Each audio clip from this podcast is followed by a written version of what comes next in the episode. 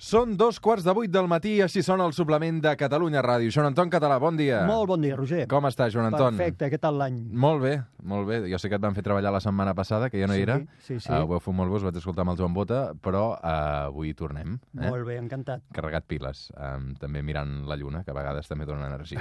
Exacte. Va, a quina hora sortirà el sol avui, Joan Anton? A les 8 i 16, que això és un minut abans que la setmana passada. 3, два, один. Шагание.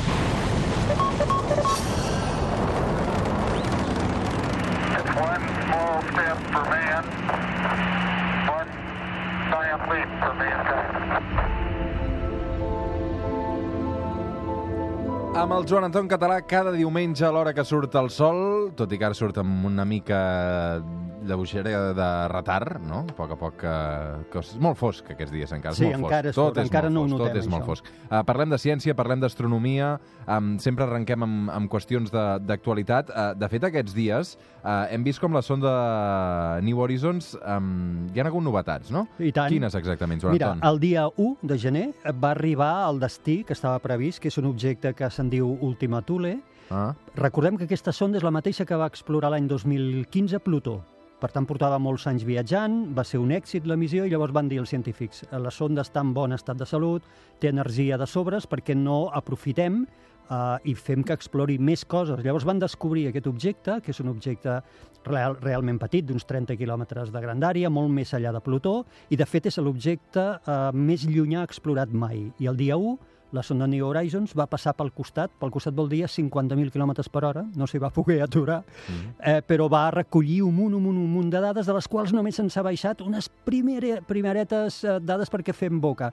Estarà mesos baixant dades, volcant dades cap a la Terra i en aquest moment no ho està podent fer perquè justament estem passant pel darrere del Sol, en perspectiva on està la sonda, i per tant no ens pot enviar encara res fins febrer. Febrer començarà a volcar dades i estarem mesos i mesos rebent dades i imatges que han de ser espectaculars. I una altra de les notícies també relacionades amb el cel que hem anat eh, llegint, de fet, aquestes vacances, és que la Xina finalment ha aconseguit arribar al lloc del qual parlaven precisament Pink Floyd. I avui la cosa va de música, però començo arrencant de Pink Floyd. Evidentment parlem de la cara oculta de la Lluna. Exacte. No És una gran notícia, aquesta, Sí, eh? sí, perquè no s'havia aterrat mai. Sí que, òbviament, s'ha- s'havia orbitat. Significatiu també que sigui la Xina qui ho Sí, aconsegueix. i, i fixa't, sí, sí, és curiós. I a més, fixa't que la Xina no només té aquesta missió, en té altres a la cara visible de la Lluna. Simplement dir que la cara oculta és difícil d'aterrar perquè no hi tenim comunicació directa. Com que hi ha el, el disc de la Lluna entremig, no podem comunicar directament i aquesta és la dificultat, no cap altra. No? La que ha fet la Xina és posar un satèl·lit en òrbita que li fa de rebot en les, els senyals i així poden mantenir comunicació. La Xina té altres missions a la Lluna i en té previstes més. I potser aquesta seria la de que el senyor Trump s'hagi finalment despertat i hagi dit que els americans haurien de tornar a la Lluna, perquè si no ho fan mm. és que la Xina se la quedarà. S'està començant a gratar la butxaca el Trump també Sí. en temes d'astronòmics. Sí, eh? sí, quin remei. Avui el protagonista de la Terra es plana, a banda del Joan Anton Català, serà la música, no serà Pink Floyd, sinó serà, atenció, un fil conductor musical, i de seguida entendreu per què.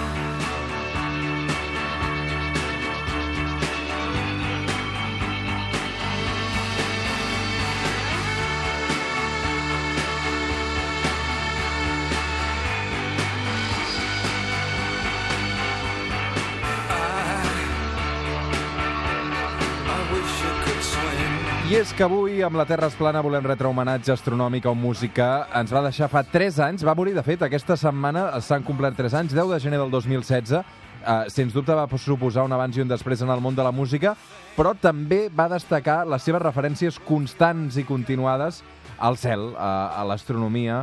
Aquest Heroes és un dels més recordats, però té també moltes altres cançons eh, relacionades, inspirades amb, amb, amb les estrelles, amb el cel, amb els astronautes. Mm. Té un univers eh, super, super particular, el David Bowie. Eh, no sé si dir-te, Joan Anton, si estava obsessionat amb l'espai. Eh, és possible que ho estés. De fet, inspirat ho estava segur, perquè ara en repassarem algunes i en tenia moltíssimes.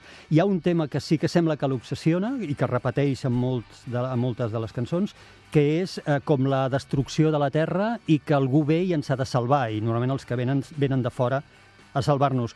I això sí que sembla una obsessió perquè es va repetint al llarg de la seva, de la seva carrera. Una altra de les coses que ell havia repetit molt és que li hagués encantat viatjar a l'espai. Sí, això ho va dir, eh? ho va dir explícitament, ell és dels que hagués pagat per poder-hi viatjar. Ja no hi ha arribat a temps. Gairebé, eh? Bueno, gairebé, exacte. Gairebé, gairebé. Va, ambientem-nos. Ground control to Major Tom. Ground control to Major Tom.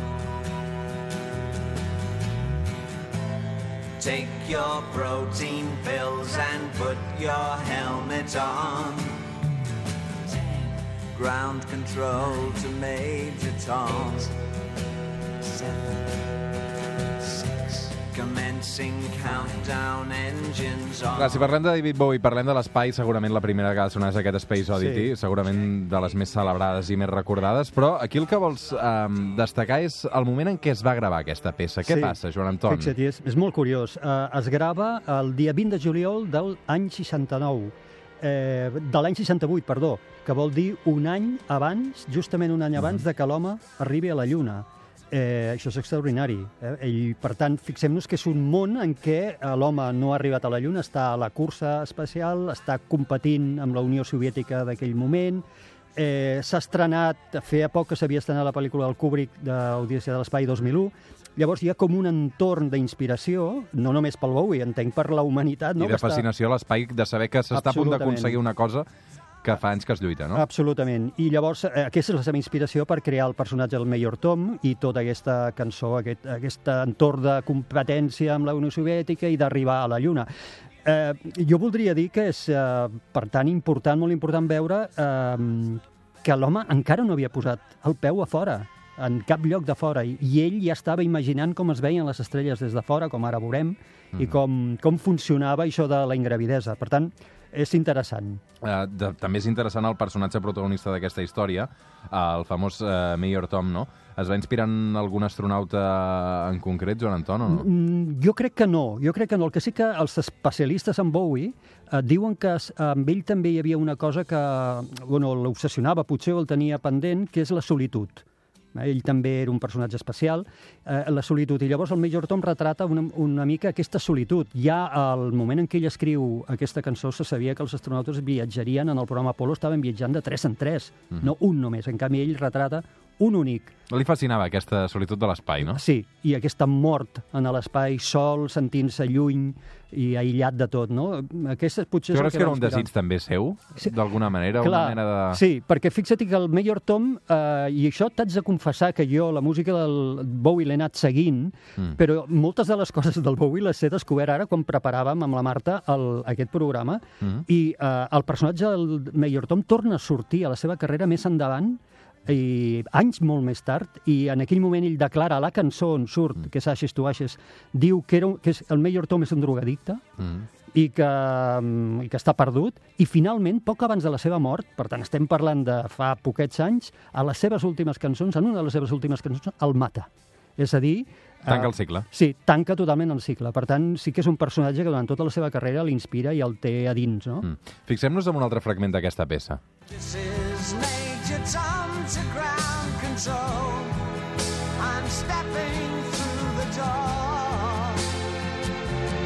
And I'm floating in a most peculiar way.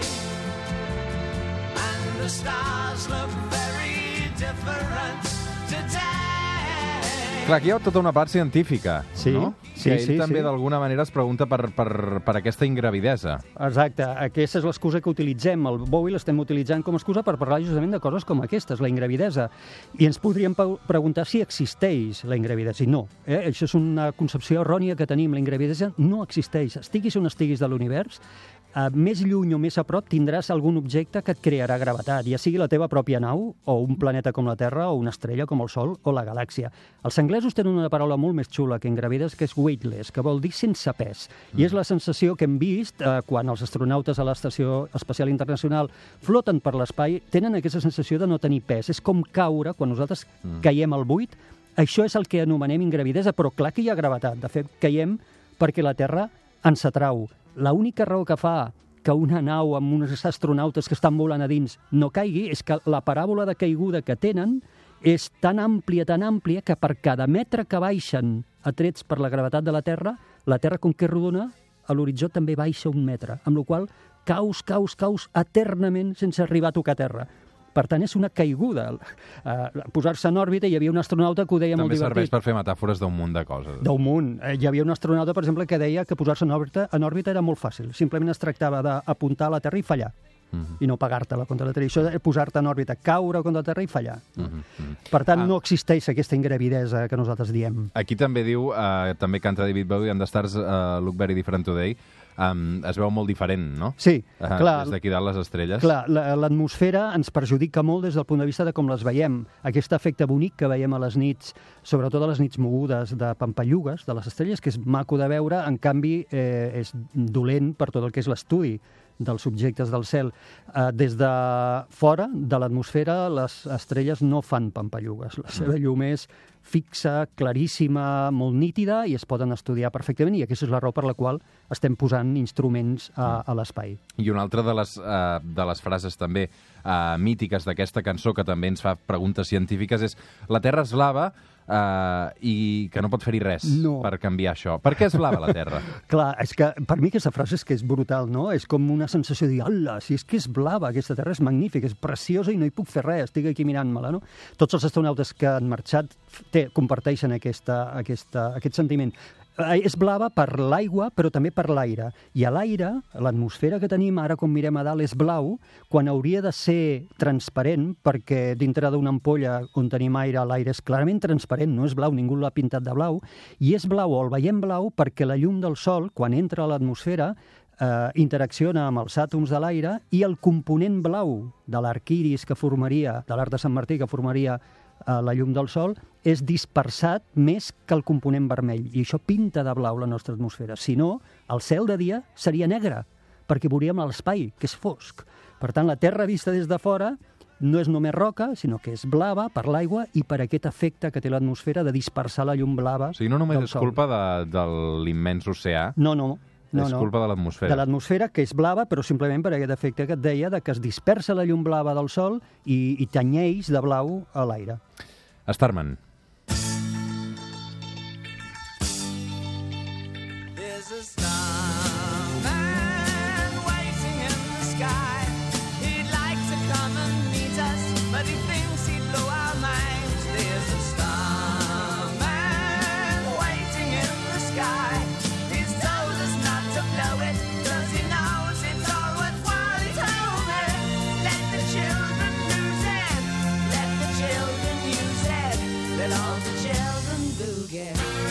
L'hauríem de deixar sonar sencera, eh? Sí, Eh, sisplau. Gairebé ara em sento malament per trepitjar la peça, eh, Joan Anton? Sí, sí. Um, però va, parlarem una mica de ciència perquè, ens, Sacrilegi, ho- eh, perquè el. Bowie ens ho posa molt fàcil. Uh, aquí diu, ens parla d'un extraterrestre, aquest Starman, que diu salvarà la Terra de la destrucció, però no s'atreveix a venir a conèixer-nos. Clar, diu, he'd like to come and meet us, és a dir, ell voldria venir i veure'ns, eh, però pensa que si ho fa ens destrossaria la ment, no? no ho podríem suportar.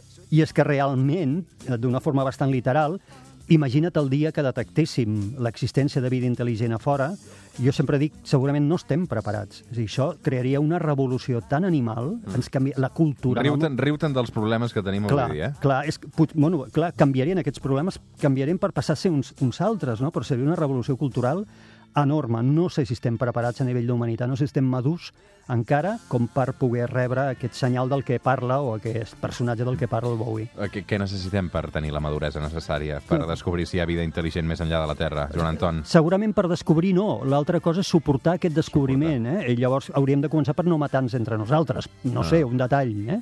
eh? Perquè clar, tu imagina't el que la quantitat de bojos i de- d'interpretacions que hi podria haver sobre aquest, aquest fet, no?, de que es descobrís un senyal provinent de fora. Actualment estem buscant uh, vida fora de la Terra? Sí, sí l'estem buscant d'una forma molt activa, és el programa, el programa famós SETI, de búsqueda de vida intel·ligent, SETI. SETI, eh, que vol dir Search for Ex- Extraterrestrial Life. Hi ha un, o sigui, qui el financia, aquest, uh, Uh, això als Estats Units? aquest és el problema. No, no, aquest Ah, és no. el problema. Tenia finançament de governs i d'entitats de, i d'entitats investigadores d'universitats. Es va perdre bastant d'aquest finançament perquè és un tema que, on no hi ha un interès immediat al darrere de la indústria, per exemple, i es va haver de frenar bastant el projecte fins que es van trobar uns patrons disposats a posar-hi pasta i aquests patrons són, entre altres, un multimilionari rus que es diu Milner, que per cert serà ja ha comprat un tíquet de viatge amb el Elon Musk perquè el faci volar per l'espai, o el famós Stephen Hawking, que abans de morir, uns anys abans de morir,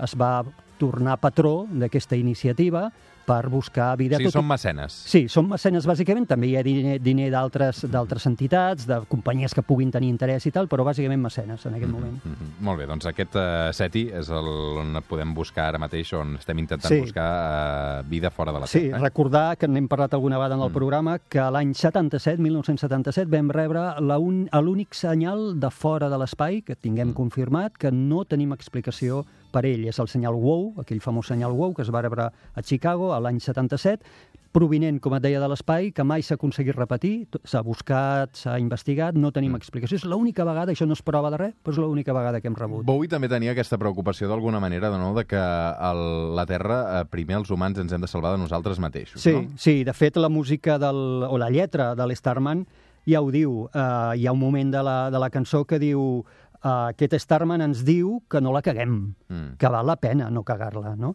Eh, I és això, ell també estava preocupat, ho estem tots, de fet, eh, pel que estem fent amb el nostre planeta. Una mica el tema de l'apocalipsi, de la destrucció. Sí, la- provocada per nosaltres mateixos, ja no la que ens pugui venir de fora, d'un asteroide o tal, sinó la, la que mate nosaltres mateixos estem provocant en aquí. Un Starman existeix o no? No, aquest és el problema. Ho sento dir-ho a qui, a qui escolti, però no existeix l'Starman.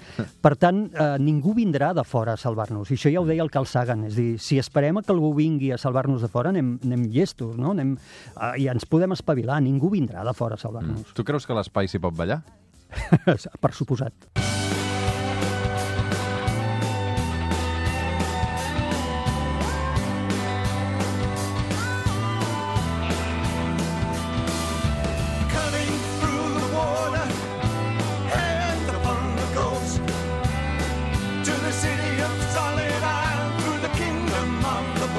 Això que sona és David Bowie, aquesta peça es titula Dancing Out in Space. De fet, és una cançó que ens va bé per, per entendre com els astronautes es preparen per, per anar cap a l'espai, no? Sí, ell a la lletra diu és com ofegar-se, ballar a l'espai és com ofegar-se, i mira, és que és clavat, no? A Houston, la NASA hi té un centre d'entrenament dels astronautes amb una piscina enorme. Dintre d'aquesta piscina, al fons de la piscina, hi tenen una rèplica a escala real de l'Estació Internacional Espacial o del Shuttle, quan existia el Shuttle, i d'altres sistemes, i el que fan és, amb grues, baixen els astronautes a poc a poc, els posen dins a l'aigua, a baix hi ha submarinistes que ajuden a estabilitzar els astronautes i els equilibren amb pesos fins que aconsegueixen una sensació similar al weightless, aquesta ingravidesa que deien, on no, no estan sotmesos a cap força. Es contrarresta la força que els empeny cap amunt a la que els empeny cap avall. Per tant, estan el més aproximat possible al que seria aquest, aquesta sensació d'ingravidesa a l'espai i allà practiquen. Per tant, tal com diu ell, és com ofegar-se. Mm. D'alguna manera ell devia... O sigui, suposo que, que David Bowie volia ser astronauta, no? En una altra vida, li hagués encantat. Sí, jo penso que hagués pagat per ser-ho. Perquè si no, tampoc que s'acaba... De... Jo crec que hem d'acabar tancant el cercle, no? Sí, tanquem el cercle. In the figure of all men, in the figure of all men, stands a solitary candle.